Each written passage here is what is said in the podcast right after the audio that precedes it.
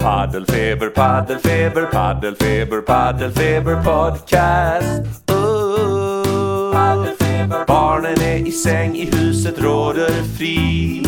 Äntligen så får du lite egen tid. Du sätter dig med lurarna i soffan och lyssnar på det enda värt att lyssna på. Paddelfeber, paddelfeber, paddelfeber, paddelfeber podcast.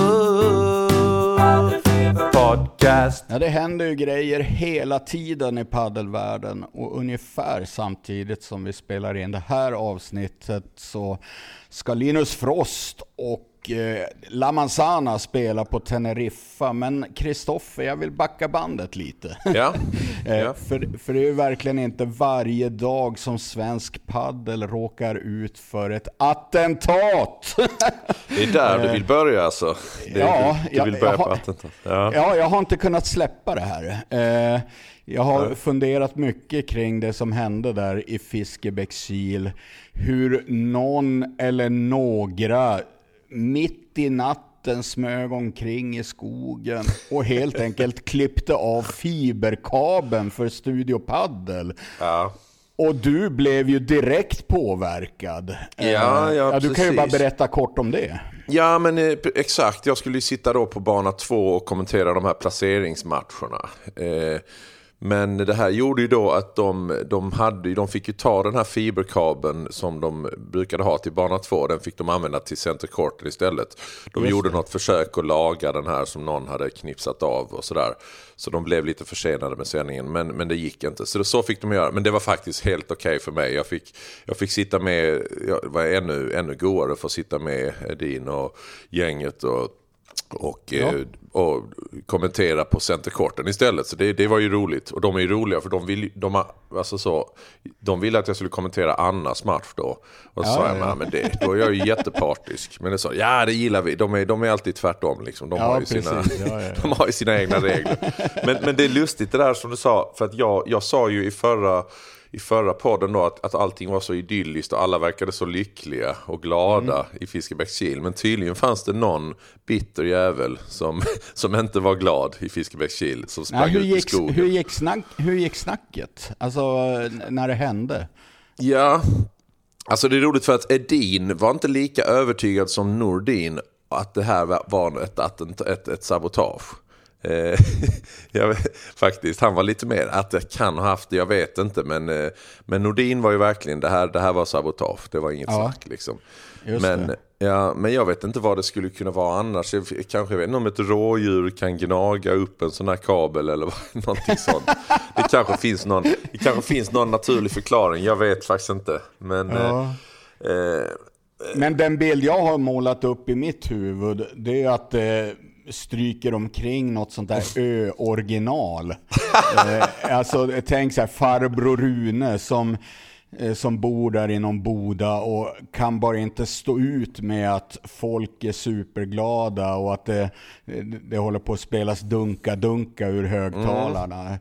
Ja, kanske, Ru- kanske. så Rune, han sätter sig och börjar smida planer att nu, nu får det fan vara nog med det här. ja, visst, jag kan tänka mig, de, de har kanske lagt den här kabeln in en liten bit på Runes mark. Så då tycker han att, eh, ah, vad fan, nu har jag all rätt att göra detta liksom. Ja just det, så kan det också vara. Eller någonting sånt där. Ja, jag tror det, ja, men det, det, det är nog något sånt. Förmodligen är det, det måste ju vara något sånt faktiskt. Att någon, ja! att någon och jag arg snack- granne ja, liksom. Jag snackade ju bara med Nordin och han var ju som du säger helt övertygad. Han, han sa att snittet var så cleant så att eh, Ja, okej. det, det var så utan tvekan mänsklig, mänskligt gjort. Men eh, bara det inte är någon som vill Studio Paddel illa utan eh, det, det känns nog snarare någon som vill eh, jävlas med själva evenemanget. Ja, att det skulle vara någon fall. som åker ända dit för att, eller som åker dit bara för först. Nej, det tror jag inte. Eh, hur som helst så lyckades de inte riktigt. Det blev ju sändningar ändå. Eh, Ja, ja, att, ja, eh, och det blev jävligt bra matcher. Men eh, du som var där, Kristoffer. Ja. Kan inte du göra veckans topplista för Jo. att låta oss återuppliva lite? Ja, absolut. Jag kör en topplista med de tre bästa grejerna från eh, veckan i Fiskebäckskil. Det var ju någon slags blandning av semester. Jag hade ju liksom semester, sen var det ju lite jobb och sådär med podden och lite sånt. Men, Men annars var det en härlig semestervecka. Men de, de, de tre roligaste grejerna, eller bästa grejerna, det var eh, på tredje plats eh, mina härliga snack med Gordo Diaz. Eh, Jaså? ja, men, ja men det var nämligen så här att Gord, direkt när han såg mig så tyckte jag, för jag, jag har ju liksom träffat honom några gånger innan så här på något annat Studio Padel-event och sådär, men det var ändå rätt länge sedan nu. Eh, Men jag blev förvånad att han kände igen mig, för då sa han liksom, ah, gick fram till mig så, tog mig på axeln och sa, ah, you very wild, very wild. Uh, I, re I remember last year you, uh, I remember on the party. Eh, och grejen är att jag var inte där förra året, så han, så han måste ha han förväxlar mig med någon annan. Jag försökte förklara det. Nej, nej, jag var inte, jag var inte där för och du måste förväxla mig. Nej, han var 100% säker. No, you very wild on party, very wild. Men Eh, du var, du var ju på plats när Lamperti söp bort sin eh, dunjacka. Ja, och då var, då var väl jag, var, var, var det väl lite fest. Det är det jag tänker Ja. om han liksom, jag försökte förklara det, men hans engelska är inte den bästa, så jag vet inte om han fattar. Han, han ville att det skulle vara jag som, som han, han kom ihåg från förra året, så, så jag lät honom tro det liksom. Ja, jag tänkte det. It's generous times. Ja. Du, Ja, han, han fick tro det. ja, ja, det är rätt. Men han är, ju, han, är ju, han är ju härlig. Men han tog det väldigt lugnt kan jag säga på den här liksom, eftersittningen då efter den här turneringen. Han, Mm. Spanjorerna överhuvudtaget. Det var ju många som hade med sig familjer och sånt. Eh, De, eh, inte, jag tror inte Gordo Diaz, nu, vet, det, nu gissar jag bara, jag vet inte om han har familj, det har han kanske. Nej, nej, jag vet faktiskt inte heller. Ja, men, eh, men det var många av de andra som hade med familj och så, så de tog det väldigt lugnt. Ja, ja. Eh, I alla fall på andra plats, där på den här eftersittningen på en, en härlig restaurang som var väldigt givmilt. De bjöd ju, jag var ju där, då var jag där i egenskap av äkta hälft, eller äkta hälft säger man kanske inte om man inte är gifta, men eh, eh, hälft till, till en spelare. Och då, så då blev de, bjöd ju på både mat och dryck och allting till, till både spelare och deras anhöriga. Så det var ju väldigt, Ja, väldigt schysst. Givmilt. Det är väldigt schysst ja. Men då, då, blev det ju, då blev folk glada och då, då gjorde man en lek där som de gjorde förra året också som heter Shimmy Shimmy. Känner du till den leken? Jag har aldrig hört talas om. Nej, man sitter, man sitter, man kan vara 20 pers, det var vi nog, som sitter runt ett bord. Man slår händerna på knäna och sjunger shimmy, shimmy, shimmy, shimmy. Och sen så, sen så har alla ett nummer och så går det runt bordet så här. Så säger man shimmy, shimmy, one, one. Om jag är one då så säger shimmy, shimmy, one, one, three, three. Och så är det den som har three måste fortsätta. Three, three, five, five. Ja, så kan det hålla på hur länge som helst när folk kommer in i det. Det låter fru- fruktansvärt fjantigt, och det är det. Men det var riktigt kul. Okej. Vi satt 20, 20 paddelmänniskor runt ett bord och sjöng den här Shimmy Shimmy-låten. Ja, ja. Eh, det var ett, bra, ett, fint, ett fint minne. Så om jag känner mig ledsen nu så sjunger jag bara lite på Shimmy Shimmy, Shimmy Ja, Shimmy. ja. Och på första plats, om man ska vara lite allvarlig också, så fick vi ju se en magisk damfinal. Eh, Då tänker jag mest på, spelmässigt var den ju okej, och bra spelmässigt också. Men det var egentligen inte spelmässigt som det var den som det var en magisk final, utan det var alla psykologiska vändningar, alla vändningar i matchen. Eh, som, som ja, både ställningen och psykologiskt hur liksom momentum skiftade från det ena laget till det andra. Eh, Så jag tänker vi kan väl prata lite, med- ska vi ta en jingle och så pratar vi, pratar vi lite om damfinalen. Ja, men det gör vi. Ja, bra. Ja, men den hade ju så goda ingångsvärden den här damfinalen med Barre mot Sofia i en backend cross-duell. Och du skrev ju till mig, Kristoffer, typ när möttes de senast i en sån match? Och jag kunde inte påminna mig. Och jag tänkte vi får nog gå tillbaks till tiden före Sofia blev mamma. Jag är inte eh, än säker på när det var, men det är inte ofta de har mötts så där. Och det kittlade som fasen, för mig i varje fall, före matchen. Ja, absolut. Och eh, sen var det ju då så att eh, Barre hade då parat upp sig med Sara Pujal som ju var på, eh, på pappret var ju den bästa spelaren som var med på damsidan. Lite högre rankad än tvåan då eh, som ju var Nela Brito, eh, Amandas partner. Så hon hade ju, hade ju kanske på pappret den, den bästa partnern. Eh, men nu fick, och då fick hon då ställas mot en storspelande Helena Wickert som vi har sett i Sverige en del. Ganska mycket har vi sett henne här. Ja, Eh, oh ja. och jag har liksom aldrig tänkt på henne. Jag har liksom tyckt att hon är en bra spelare men inte varit, inte så här.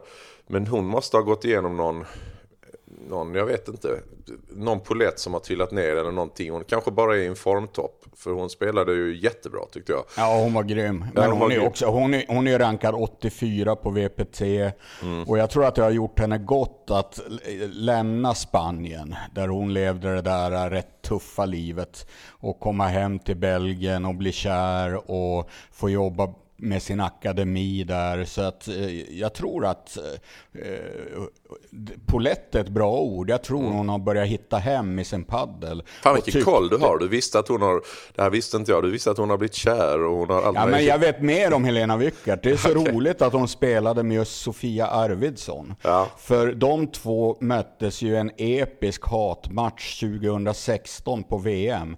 I en helt avgörande match vilka som skulle gå vidare ur gruppspelet, Sverige eller Belgien. Och Helena Wyckert slog en serv i ett tiebreak som Sofia dömde ut. Okej. Och, Vy- och Wyckert vägrade gå med på det här, liksom hela belgiska laget som stod och hängde i gallret på utsidan och höll på att riva buren kändes det som. Och runt banan var det totalt kaotiskt. Varav helt plötsligt kommer Fegelind inglidande i händelsernas centrum med en sån här larger than life aura och säger It was clearly out.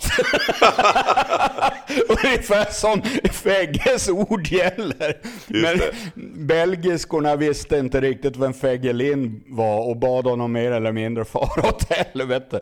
Men det roliga var att i detta inferno stod, Sofia Arvidsson helt iskall och sa Ungefär, ni kan skrika hur mycket ni vill, bollen var ändå ut. Och så blev det ju. Och Sverige vann den matchen och gick till slut till semifinal. Ja, eh, lite bonusinfo. Ja, okej, det finns, men, men det är rätt intressant. Hela den här, den här historien känner jag inte till att de hade allt det här i bagaget också. Eh, Nej, nej men hon, hon har en lång historik, både att spela i Sverige men också möta Sverige. Hon var ju också inblandad i en jäkla batalj. Det var också mot Sofia. Då spelade hon med Åsa Eriksson i senaste EM i Portugal. Och Sverige vann även då. Så, eh, men jag tycker hon har lyft sig. Det är precis som du säger Kristoffer. Hon har alltid varit bra, men nu tyckte hon var Fiskebäckskils bästa. Ja, det var nog. damsidan. Och sen kändes det som att hon och känslan jag fick när man gick omkring där i lilla Fiskebäckskil var, att, eh, var väl att hon och Sofia fann varandra rätt bra att spela ihop och att eh, kanske umgås och sådär. Jag var ute på, när man, så här, första kvällen jag kom dit, eh, någon dag innan turneringen började, så såg jag, satt de ute och åt på restaurang och sådär. Så pratade, växlade jag några ord med Sofia och så. Då fick jag bara känslan, fan, Sofia kommer vara stark i denna turneringen. För hon, hon har gjort det här så mycket. Åka till en liten ort, vara med i en, du vet, gå ut och äta Ja. på restaurangen, bo på hotellet, spela turneringen. Hela den där grejen, hon har gjort just det så väldigt, så väldigt mycket. Eh, Jo, och så är ju båda, det är ju två väldigt eh, behagliga personer. Så jag tror de fick personkemin att Ja. stämma också, både utanför och på banan. Och, Mm. det, och det, det betyder ju en del. Men jäklar, innan vi bara går in på finalen, när Wyckert eh, luckrade upp Nella Brito i semifinalen. ja. Det var otroligt imponerande. För visst, Sofia var bra där, men det kändes hela tiden som det var Wyckert som gav Sofia lägena. Eh, att kun, kunna gå in och avgöra bollarna. Så när det väl blev final så kände jag att nej, men nu är ju Wyckert på Pujals nivå. Så att den här eh, duellen mellan Sofia och Barre kändes ändå rätt rättvis. Och sen fick de ju, ja absolut, och sen fick de ju Pujals att få spela väldigt lite. Det var inte mycket. Det var ju ett par gånger att hon, hon fick stå och bli, det här klassiska, hon fick stå och bli kall och bli ännu kallare och Barre fick kämpa som hon i och för sig gillar, tror jag, att få mycket boll. Men hon fick kämpa tillbaka bollarna och, eh, och sen så kom, några gånger fick Pujals komma in och då kände hon att hon måste göra mer än vad hon egentligen borde. Ja, Och ja det är ju och så klassiskt. Det är ju Ja. så klassiskt. Och så missade hon. Så där, där, det, det lyckades de med att få bort henne. Samtidigt så är det ju, det här avgörs ju i tiebreak i avgörande sätt som, som, som legendariska matcher ska göra. Eh, och eh, och även, även i tiebreaket innehåller det några vändningar. Men det här hade ju kunnat, alltså det är så få bollar som avgör detta. Eh, men jag tycker att i tiebreaket så är det något tillfälle där jag tycker jag ser att Barre fullt förståeligt. Vem fan blir inte nervös? Men jag ser att någon bandeja är, är där är rörelsen lite mer försiktig och, och lite spänd. Eh, och så kommer de där misstagen. Det, det, är en otrolig klyscha, men det var precis när det gällde som mest. Och där gjorde inte Sofia de missarna. Det... Nej, hon gör ju aldrig det. Nej, Nej. Ja, hon gör det ibland.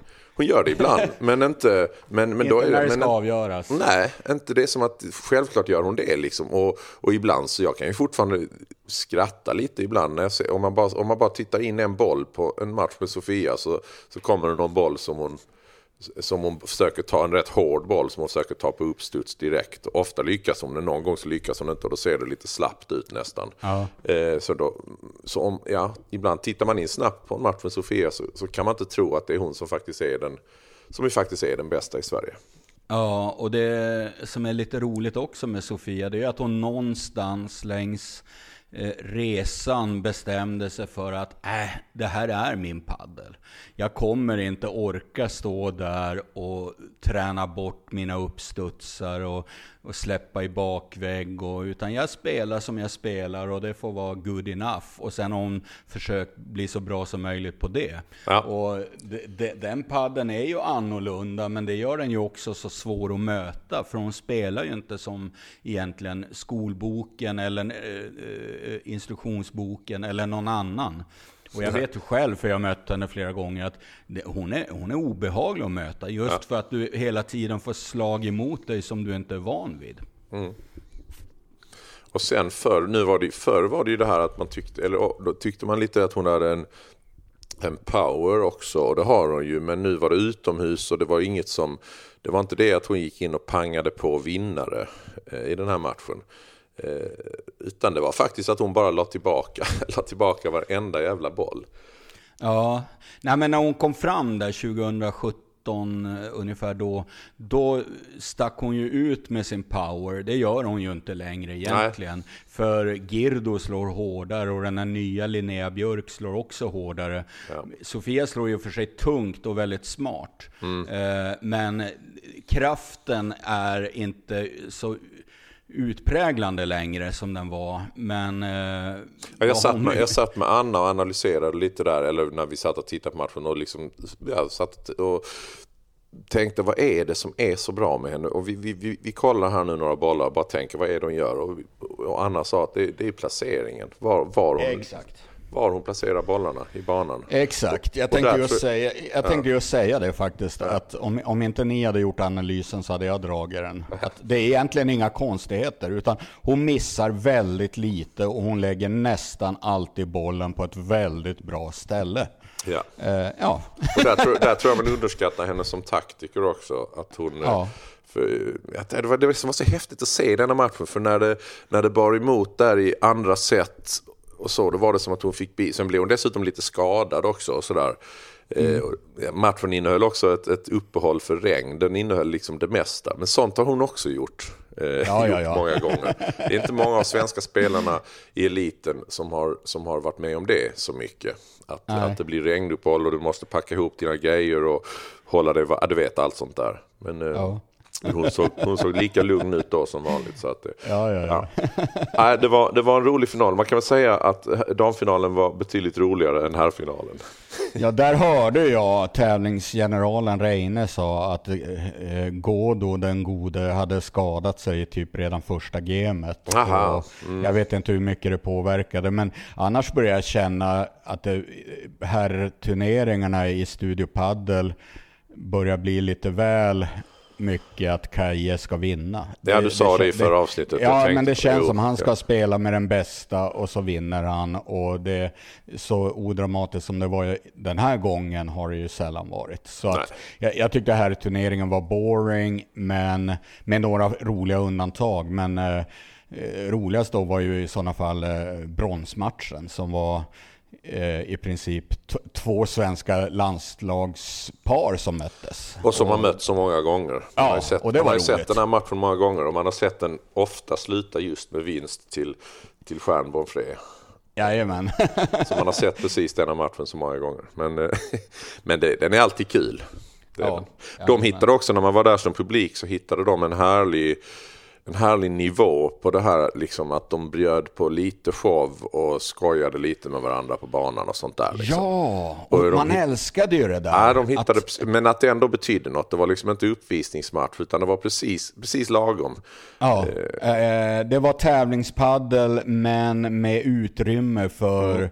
lite glä, eh, mer glädje och show än vanligt. Men det var ju ändå så pass mycket pengar så att eh, man visste ju ändå att de kommer göra vad de kan för att vinna i slutändan ändå. Okej Johan, det har ju varit eh, en Open som det är den mellan, eh, säger man, mellanregionen av tävlingar då eh, i, i VPT. Eh, den, stör, den som det finns flest av. En Open-tävling i Malaga. Jag skulle vilja börja, inte med vinnare eller någonting sånt, utan jag skulle vilja börja med att vi pratade om Miguel Benitez Lara. Eh, eh, Miguel Benitez Lara var rankad 78 i världen innan den här tävlingen då. Eh, Går in och spelar denna med, med den alltid lika sympatiska, tycker jag i alla fall, det känns som Gonzalo Rubio. Känns som en, en som alltid kämpar och alltid krigar på. Som en sån där som jag, man har tänkt att honom unnar jag att få vinna några, få vinna några matcher. Och det fick han ju göra nu, men man trodde inte att det skulle ske kanske tillsammans med Benitez Lara. Det tror jag inte han trodde själv heller riktigt, för de började ju, de började ju i Previa. Eh, så de går igenom Previa, vinner två matcher där. Eh, sen så går de fram till kvartsfinal eh, i turneringen. Och på vägen, det största är ju att då får, alltså, får de alltså slå världsettorna, de omöjliga. Ja. Och det, nej, det tror jag ingen trodde faktiskt. Och det, Nej, det, det, det är en bra saga, det är en Ja, bra är story. Och han, han ju får göra det inför sin familj och allihopa. Han var ju efteråt så han grät ju. Det, var nästan så att Gonzalo Rubi tyckte det var lite pinsamt tror jag. I, I intervjun efteråt så såg det ut som att ah, nej, men nu får du sluta. Nu, nu blir det lite väl pinsamt. Men, men han, han trodde ju inte alls detta. Och anledningen, anledningen att jag vill ta upp det är att det är precis det här som vi har efterfrågat eller som jag har pratat om. Att vi behöver fler det behövs fler spelare i toppen. Det behövs precis sådana här, att sådana här grejer händer då och då. Nu tror jag väl inte att Benitez Lara kommer, kommer bli en toppspelare ändå. Men, men vi behöver precis den här typen av, eh, av stora överraskningar. Ja, precis. Och det spelar inte egentligen någon roll eh, vem som står för det, utan eh, bara att de kommer med jämna mellanrum. Eh, så, så att ingen går säker. Det är då det blir roligt och intressant. Och det var också det här sättet som de, som de gjorde det. Är också, det är också tiebreak där de, eh, eh, de, de tar det i tiebreak och då har de tre stycken matchbollar. Men, men det hämtas upp till sex lika. Och då tänker man ju, nej nu kommer det inte gå. Alltså när, när de tappar tre matchbollar och eh, världsettorna hämtar upp det till sex lika. Då, då, då känner nej nej, det, där hade de sin chans. Nu går det ju inte. Ja, just det. Nej, jag bara läser på lite om han. Han är 1,90 lång, han är ungefär 25 år och från Cadiz Just det. i Andalusien. Så ja. Ja, det var väl Eh, därför det var många av hans släkt på plats och så vidare. Precis, det är ganska nära Malaga. Så Ja.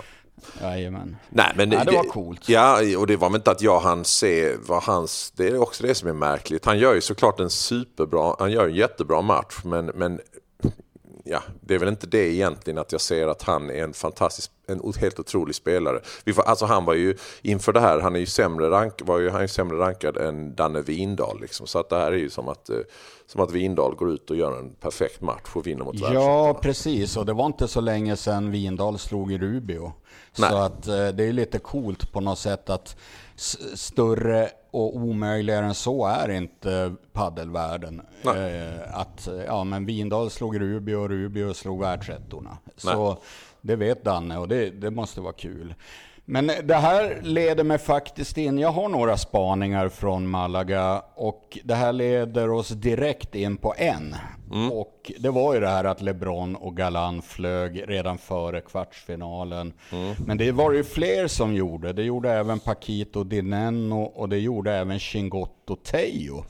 Och då tänkte jag att alla de här tre storlagen hade en sak gemensamt. Och det var att de gick väldigt långt i Premier Padel i på Roland Garros i Paris bara dagarna innan. Och fick alltså spela längst i Paris, fick sämst förberedelse för Malaga som bara började typ direkt eh, efteråt. Eh, och då är vi tillbaks till det här med för många tävlingar för tätt inpå och att spelarna omöjligt hinner ladda om. Och det känns som att just de här Premier Padel, de får allt mer statusen ungefär som säsongernas grand, säsongens Grand Slams. Ja. Och då laddar världsspelarna ur allt de har. Och det är som ingen slump att det i turneringen efter blir det här stjärnfallet. Att de flyger i alla väderstreck. Och det var egentligen bara ett lag som lyckades gå långt både i Paris och i Malaga. Och det var ju Lima och Stupa. Ja. Eh, all heder åt dem. Men eh, det säger någonting intressant Ja. att det blev så. Men du, kan man inte vända på det då och se det som något lite, lite roligt att det blir så här? För då, har ju, då kan, ju, kan ju sådana som Gonzalo Rubio och Miguel Benitez ta chansen och, och ha lite, alltså att det, det kanske jämnar ut det. Ja, för all del. Jajamän. Eh, och det var ju fler som tog chansen. Eh, det, jag blev väldigt, väldigt glad när jag såg att eh, Mike Yanguas äntligen fick gå en bra bit i en turnering igen. Ja. Och eh, slog ut Paquito Dineno och gick till semifinal. Så faller stjärnor så är det ju några som blir väldigt, väldigt lyckliga. Ja, men grejen är absolut, jag menar det där är sådana vinster som gör du dem en gång som nu. Eh, man vet aldrig vad som händer, alltså som nu Gonzalo Rubio, när han har fått vinna mot, mot världsettorna nu, veta att alltså, det kan vara ett sånt där hinder som nu, ja, nu, nu har han gjort det och det kan hända grejer då liksom. Eh, Allt kan hända utom att Lamperti slår Bela. det, nej, det vet man. Det, det kan man. Men det är, det är också roligt med Yanguas. Han är ju också en Andalusien kille, så han hade ju också hela tjocka släkten på plats. Eh, och, och det var ju roligt att se. Och det tror jag hjälper till. Att de eh, i detta kringflackande liv eh, ett par gånger på, per säsong så kommer de hem inom citationstecken. Och att det framkallar en extra god känsla och säkert jäkla inspiration så att de spelar bättre. Ja. Eh, sen så ville väl du också, det vill vi väl båda prata lite om, gå in på damsidan om Carolina Navarro. Ja, jag, jag ville bara, nu dissade jag Lamperti, men jag vill ju egentligen hylla honom. Dels Ja. för alla hans träningsvideos som han lägger upp på Instagram. Och jag undrar om det finns någon som har ökat sin träningsdos så mycket som eh, Lamperti senaste två, tre åren. Eh, som har gått, tror jag, från att ha varit enbart en glad gamäng till att bli en väldigt seriös idrottsman. Just för att eh, karriären på, är på väg mot sitt slut och pengarna väller in. Ja, Så det. då tar de de här jävla gympassen och han eh, ser riktigt bra ut. Och nu fick han ju slå ut eh, Sanchez och Capra. Ja. Det är faktiskt en bra skalp. Absolut. Men visst vill vi prata om Carolina Navarro. Det är ju någonstans, det är ju Malagas stora eh, paddelnamn. Hon är ju en legendar i staden och det är ju verkligen hennes stad. Och eh, givetvis då fick det bli en intressant historia också. Carolina Navarro har ju spelat ett år nu med Eli Amatriain. Ja. Men nu går de eh, brutalt snabbt skilda vägar och jag tror att det var det här som blev droppen för Karo. Min teori, min gissning är att vad som driver henne nu är att åtminstone få känna att hon kan spela mot de bästa och pressa de bästa. Men med Amatriain har inte det gått. Och det var inte så länge sedan hon faktiskt, de blev nollade. Nej. Eh, vilket är helt otroligt i världspadden. Och nu gick de till kvartsfinal och stötte på Brea och Icardo och så fick de ett game på hennes hemmaplan inför alla hennes vänner. Och det tror jag blev för mycket att ta helt enkelt. Ja, nu pratar vi ju om en som ju vi hoppas kan vara aktuell för svenska landslaget. Det tror jag absolut. Jag pratade med Carolina, jag ville göra en intervju med henne. Ja. Men hon sa återkom nästa vecka, för nu var hon i Grekland eh, på semester. Hon ville bara softa. Så jag tänkte eh, prata med henne just om det här med partnerbyte, men också det här med svenska landslaget. För jag är ganska säker på att hon kommer spela i blått och gult i, Kat- i Qatar. Eh, och att det kommer göra jättemycket för vårt damlandslag. Och, och det som jag tänker då också, om vi ska återknyta till vad vi pratade om innan med Sofia Arvidsson, så hon tror jag inte, eller jag vet vad jag har hört, att hon är inte, så intresserad av de här att åka iväg och spela mästerskap. Det så har det varit innan också. Eh, eftersom hon har, eftersom hon är trebarnsmamma och, och har så, allting som hon har i sitt liv. Men jag undrar om inte det skulle kunna locka henne lite ändå, att få in en sån, en sån ikon, en sån bra spelare. Eh, Ja. i landslaget eh, faktiskt. Om det skulle kunna, det, det hade ju varit, i så fall hade det blivit dubbelt, dubbelt bra. Eh, Ja, och det känns som att nu skulle det gå, med Carolina Navarro Björk, så skulle det gå att pussla ihop ett satans bra svensk damlandslag som absolut skulle kunna hota både Italien och Frankrike. Precis. Eh, Men nu undrar man ju bara vem hon ska para ihop med också eh, på VPT. Och hon skrev att det i nuläget inte är klart. Det tror inte jag riktigt är sant.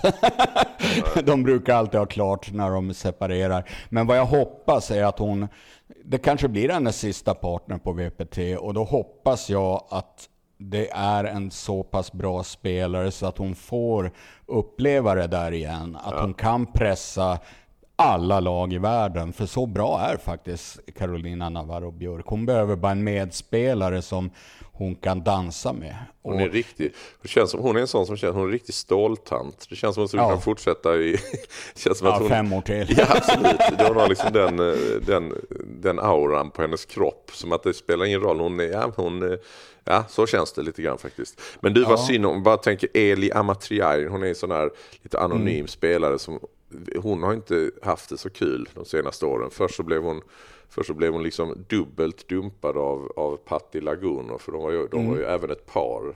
Ja. Eh, Fick den, här, den där som sker i dampadden ibland. Eh, Ja. När man liksom blir dubbelt dumpad. Som också, Dubbeldumpad. Som, det är dubbeldumpad som också Lucia Sainz blev. Eh, Ja. Av Gematriai. Eh, så den måste vara så extra tung. Eh, Ja, och Cecilia Reiter blev dubbeldumpad. Tror jag i varje fall. Ja, där är jag inte säker. Händer inte, händer inte lika ofta i herrpadden. Nej, inte än. Den gamla dubbeldumpningen. Sitter du där och är besviken i Båstad? För egentligen skulle du ju haft eh, varit omgiven av, av APT-paddel i dessa dagar. Eh, Ja. Men så blev det ju inte. Nej, det var ju tänkt att nästa vecka skulle vara APT på Båstad Tennisstadion och jag hade faktiskt sett fram emot det här. Ja, det. Dels för att det skulle locka många i Sverige-eliten men också jag trodde det skulle bli en rolig turnering och att det skulle komma lite paddelmänniskor och sådär. Men eh, allting har ju varit konstigt med den här turneringen och slutet blev ju ännu konstigare. Det är rent av ett mysterium som jag har försökt rota i. Eh, Men för det första så var det ju knappt någon som visste att den här tävlingen skulle gå här. Och, eh, och det ryktades om att den inte skulle bli av och sen var det minsann helt klart att den skulle bli av. Men så såg jag att bara några dagar sedan så sökte den lokala arrangören, det var ju Eurofinansgänget som skulle ordna den här tävlingen. Eh, då sökte de volontärer. Alltså sna- snacka om att vara ute i sista stund. Och sen kom då beskedet, nej APT ska absolut inte spelas i Båstad. Vi flyttar nu tävlingen till Teneriffa. och, och, och det var ju nog dramatiskt och ett nog stort fiasko så. Men sen gav, ju, gav de ju skulden, de la skulden på Thomas Johansson. Genom att skriva ett brev till alla spelare som hade anmält sig att eh, skälet till att vi nu flyttar från Båstad beror på den tidigare tourledningen och kontraktssituationer. Och det är ju Thomas Johansson som hoppade av där sista juni som, eh, vad ska man säga, tourgeneral. Eh, så jag ringde upp Thomas Johansson och frågade vad är det här? Vad är det frågan om?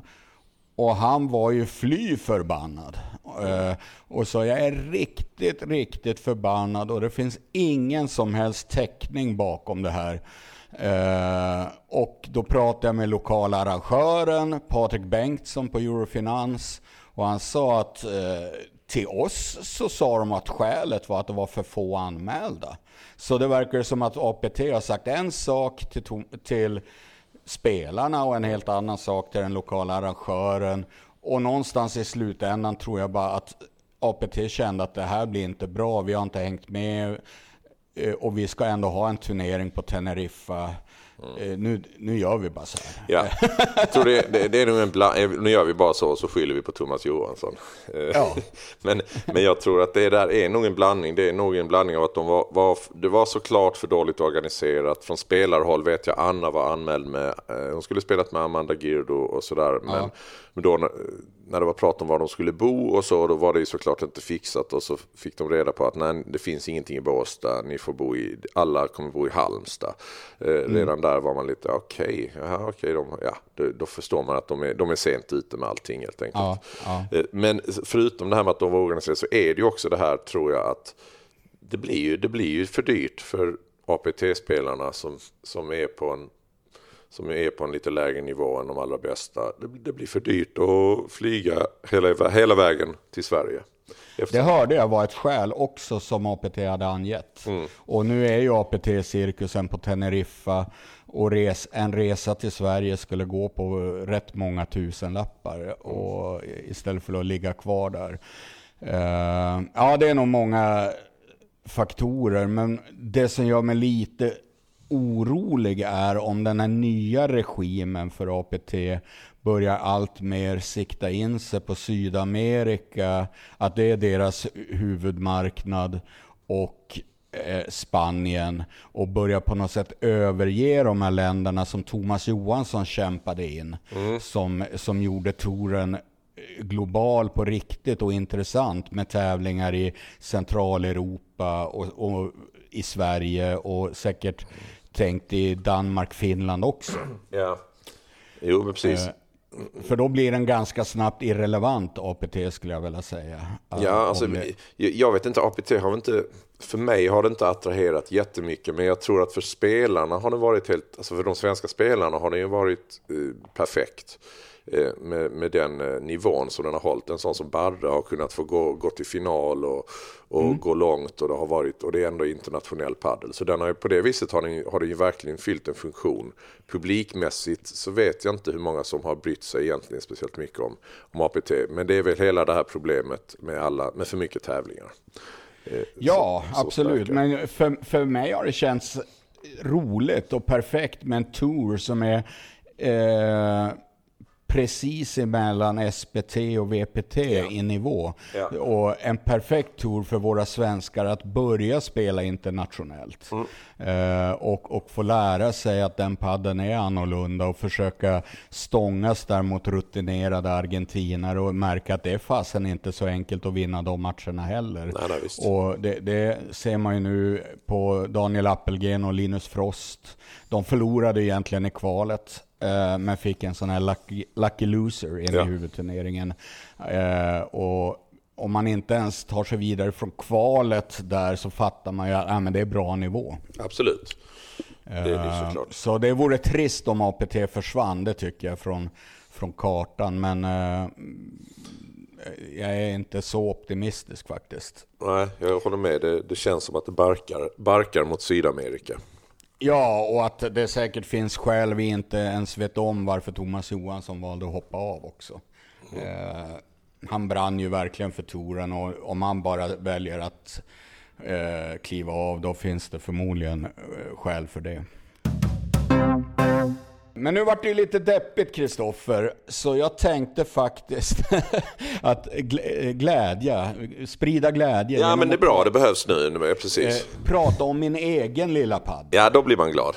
Ja, och då är det ju så här att du vet ju att jag har mitt projekt att eh, gå ner i vikt och, och återfå form. Men vi har inte och, pratat om det på länge. Ett tag var vi nästan en viktväktarpodd där. I, Ja, precis. det, det var precis. mycket snack om det där, men sen släppte vi det, släppte vi det lite. Hur, hur går det för dig?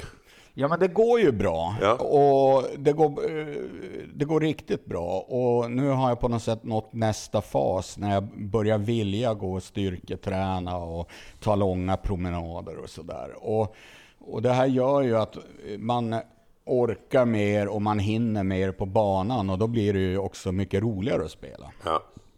Och eh, just den här veckan, det blir ju en riktig jäkla paddelvecka. För då, eh, och det som också säger så mycket om hur fantastiskt kul den här jäkla sporten är och varför man kommer hålla på så länge som kroppen bara tillåter det. Eh, och då var det så här, i helgen så var det en sån här ungdomsturnering i Båstad och då var man ju glad bara att se framtiden få visa upp sig. Och sen på måndagen så blev det så att jag fick spela mot Juni Sjöland som var kanske tävlingens klart bästa spelare. Eh, och hon är 14 år. Och kanske Sveriges mest lovande paddelspelare. Jag blev i varje fall djupt imponerad. Eh, och bara för att ni ska få ett hum om hur bra hon är så vann hon alltså flickor 14 tillsammans med Zoe Andersson, yngsta dottern till Antonette Andersson. ja.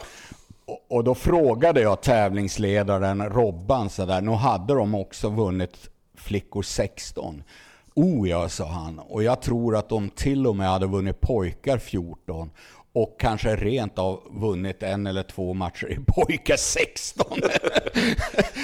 och då fattar man att de vann flickor 14 ganska enkelt. Eh, Men när jag spelade mot henne i måndag så var jag som häpen över hur bra paddel hon spelar och är så ung. Och vilken kraft hon har i sitt spel. Och hur mycket hon klarar av i svårighetsgrad. Eh, att släppa bakväg. Hon kan ju också spela både backhand och forehand helt Ja. obehindrat. Och det gillar man. Absolut. En jättestyrka där. Ja, och då kände jag den här paddelglädjen att en 52-årig gubbe kunde spela mot Juni och ha hur roligt som helst. Ja. Och sen dagen efter, det vill säga igår, så drog jag upp till Slöinge. Vet du var Slöinge ligger? Ja, jag vet, utanför Halmstad. Är, man älskar ju det namnet. Eh, Slöinge Ja. låter ju för jävla härligt. Jag vet ju att, eh, jag brukar alltid, när jag ser Slöinge tänker jag alltid på Henrik Svensson, spelaren. Han, Ja, ja, ja. ja men det är jättebra, för han är en av eldsjälarna Ja, som visst. har byggt upp padden där. Slöinge och Slöinge har jag förstått är väldigt be- berömt för glass. Okej. De, De någon ligger slöar och äter glass. Ja. Jajamän, och så har de då runt tennisklubben byggt upp två inomhusbanor och en utomhusbana. Och, och då är det det här med, du vet det föreningsstyrda där Mm. medlemmarna sätter sig på knä och byter mattor istället för att man anlitar ett företag och gör det. det jag tycker om det. Eh, och där samlades vi då åtta gubbar igår och spelade gubbapaddel. Ja. Eh, och det var ju då glädje åt andra hållet. Eh, det var ju som, och det var ju bra gubbar för övrig, för, förvisso. Det var ju Mats Malmberg som vann EM för H55 och, och ett gäng av de, i den kalibern. Så det var ju jättetuff och rolig paddel. Eh, men, men det slog mig där på banan hur fantastiskt det här spelet är. Att eh, man kan känna lika stor glädje att spela mot June Sjöland måndag och mot Mats Malmberg tisdag. Och nu ikväll så ska jag och min sambo spela mixed mot eh, ett par som, jag har aldrig träffat dem, men det var en sån här uh, lyssnare slash läsare till Paddelfeber som hörde av sig. Det händer på sommaren sådär att man får någon mess på Instagram där de frågar "Sk- eh, Du bor ju i Båstad nu, skulle du vilja spela? Ja, visst. Ja, och så var det, jag och min fru skulle vilja ha ett game och sa, fan har man bara tid och möjlighet, det är klart man ställer upp. Visst. Så det blir också jäkligt roligt. Eh, och sen imorgon så ska jag till Vilshärad och spela någon gubbturnering. Det är någon sån här tribute till eh, vårt älskade Vilshärad som nu ser sina sista dagar innan det ska monteras ner. Och sen fredag blir det paddel i Båstad hamn. Så det här är på något sätt belöningen för att jag slitit på gymmet och eh, de här jävla promenaderna. Ja, du lägger, de ser rätt mysiga ut när du lägger, men det gör, allting ser ju sig alltid mysigt ut på sociala medier. Eh, Du menar mina promenader? Ja, du brukar, exakt. Du brukar lägga upp någon, någon, någon fin bild där med vovven och, och liksom så här. Då ser det ju, då ser det ju härligt ut. Men, men du Jo, har men jag också, jag har också gått och svettats och stånkat och hatat livet i uppförsbackar. Ja. Och, och tänkt att eh, jag måste göra det här för att eh, återfå spelglädjen. Jag måste gå ner de här 10-15 kilorna och återfå fysen. Och nu börjar jag komma där och det gör mig så jävla glad. Ja. Ja. Hur, hur är det förresten med ditt knä? Ja, eh, Jag- jag jag har, jag, ja, nu tar jag ner stämningen igen. Det var bra att du höjde, höjde podden, höjde glädjenivån lite. Så, Mm. så plockar jag ner det igen. Allting är yin och yang, det allting går jämnt ut, du vet. Eh, Ja, men så är det. Så, nej, jag, jag gjorde ett försök, eh, gick ner och spelade, spelade med Anna en timme. Och då, då svullnade knät upp efter och det är precis vad det inte ska göra. Så jag måste fortsätta. Aj, aj, aj. Ja, det, det, jag måste fortsätta, fortsätta. Det är inte dags än. Det, det tar längre tid och det, nu är det ganska exakt 100 dagar sedan eh, som, jag, som jag spelade på riktigt. Liksom. Så det är, det är tungt, det är det. Min, men faktum är att innan här i morse så vaknade jag av att jag drömde att jag spelade paddel. Och det var ju, och det var ju faktiskt härligt. För det var ju den, det är det man får nu, det är de matcherna jag får. Det, Ja. det är drömmatcherna. Och du var faktiskt med Johan. Eh, Var jag det? Ja, för jag visste jag skulle spela in podd med dig och sådär. Och det var, jag minns inte om vi möttes eller om vi spelade ihop. Men det var, jag, jag spelade, du, du var med och så var det en kille som heter David Werngren som spelar jättemycket. En kille här nerifrån, nerifrån Ja. Skåne. Han var med av någon anledning. Och så den sista, vad heter han? Kille från Helsingborg. Jag har mött honom många gånger. I din ålder tror jag. Har spelat, eh, spelade med han Jan Fridén. Eh, ofta. Ja, Magnus Wahlström. Ja, exakt. Magnus Wahlström. Det här låter ju som en episk dröm. Ja, det, var ett fint, det var ett fint game vi hade. Eh, och, men det roliga är att, att nu när jag drömmer då jag spelar ju verkligen då. Jag liksom, ja, i, i drömmen. Och det är, Ja. Så det, jag får nöja mig med de matcherna. Ja, nej, men det, det här lät ändå vackert på något sätt. Ja, men kanske att vi ska, vi, kanske, det är också en sån där grej vi kan göra. Sen när jag kan spela så måste vi göra realitet av denna, av denna matchen. Ja, men det gör vi. Vi drar ihop, vi förverkligar drömmen helt enkelt. Och jag tror det funkar för jag vet ju att jag är ju forehandspelare, du är backhandspelare. Werngren kan spela lite var som helst och Wahlström är väl backhandspelare va? Ja, men han kan lira också båda. Ja, Så, ja, men då, ja. då löser vi det. Fan vad kul. Då, då har jag något. Då, vi får ge en shout-out till dem och lyssna på detta. De kanske tackar nej, men Eh, det, det får de helt enkelt Nej, det får- Då, då det kommer paddelfeber förfölja dem. Eh, eh, då, så jag lovar att de ställer upp. Eh, Nej, det- I, ma- I make them an offer they can't refuse. Och Ja, så taggar vi dem nu när vi delar avsnittet också. Så, jag vet att Werngren brukar lyssna i alla fall eh, på detta. Så han, han kanske hör det här. Wahlström känns, han känns inte som en poddlyssnare. Men det kanske han är.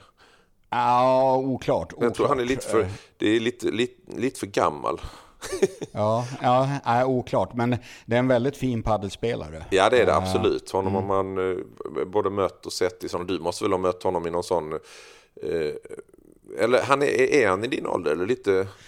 Han är lite yngre än mig, eh, ett eller två år yngre. eh, Och jag hatar honom. För jag har mött honom flera gånger på tävlingar. Och jag har ännu aldrig slagit honom. Nej just det. Eh, Jag har mött, och vi har haft jämna matcher och roliga matcher. Och han har alltid dragit längsta strået. Och det, det är en av anledningarna till att jag beundrar honom så mycket. För eh, han är en komplett och bra paddelspelare, men han är också en jäkla vinnare. Mm, det är han verkligen. Han har den.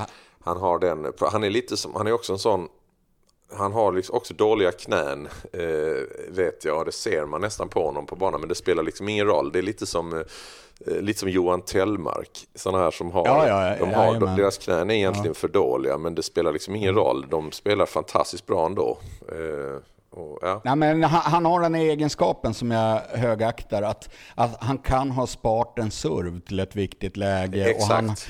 och han vet att eh, det är bäst att jag sparar den här bandejan i mitten till ett viktigare läge. Ja. Och därför är det ingen slump att han vinner så många jämna matcher, utan han, han förvaltar sina kort jävligt begåvat. Och eh, aldrig att han eh, blir darrig eller så, utan han spelar sin bästa paddel när det är typ ett tiebreak i avgörande set. Nej, jag, jag, jag märker det nu att jag, jag kommer ju vilja, jag, jag ska spela med honom bestämde jag mig för nu. När vi kör Okej, match.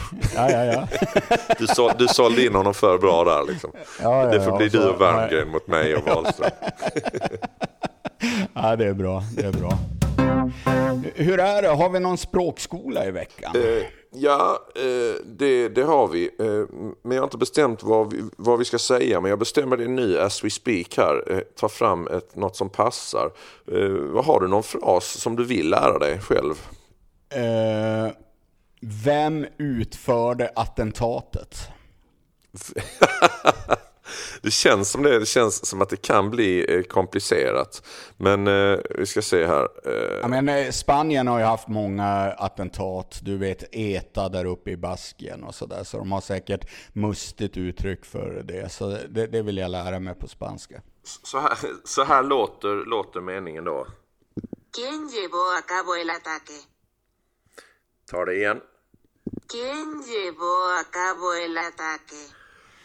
Quien Quien- llevo a Ja men lugn nu, lugn nu. Väl, Hockey, förlåt. hockey ser glödhet här nu. Ja, okej. eh, nu. Nu var det där och störde mig. Du får- mitt jag vet, du, får, du får höra det igen här. Okej. ¿Quién llevó a cabo el ataque? Quien llevo a cabo el ataque? Shit! Vad är det som har hänt? Quien llevo a cabo el ataque? Ja, nu är du, nu, nu ger jag dig verkligen, detta är det bästa hittills. Men eh, Vad heter farbror Rune då?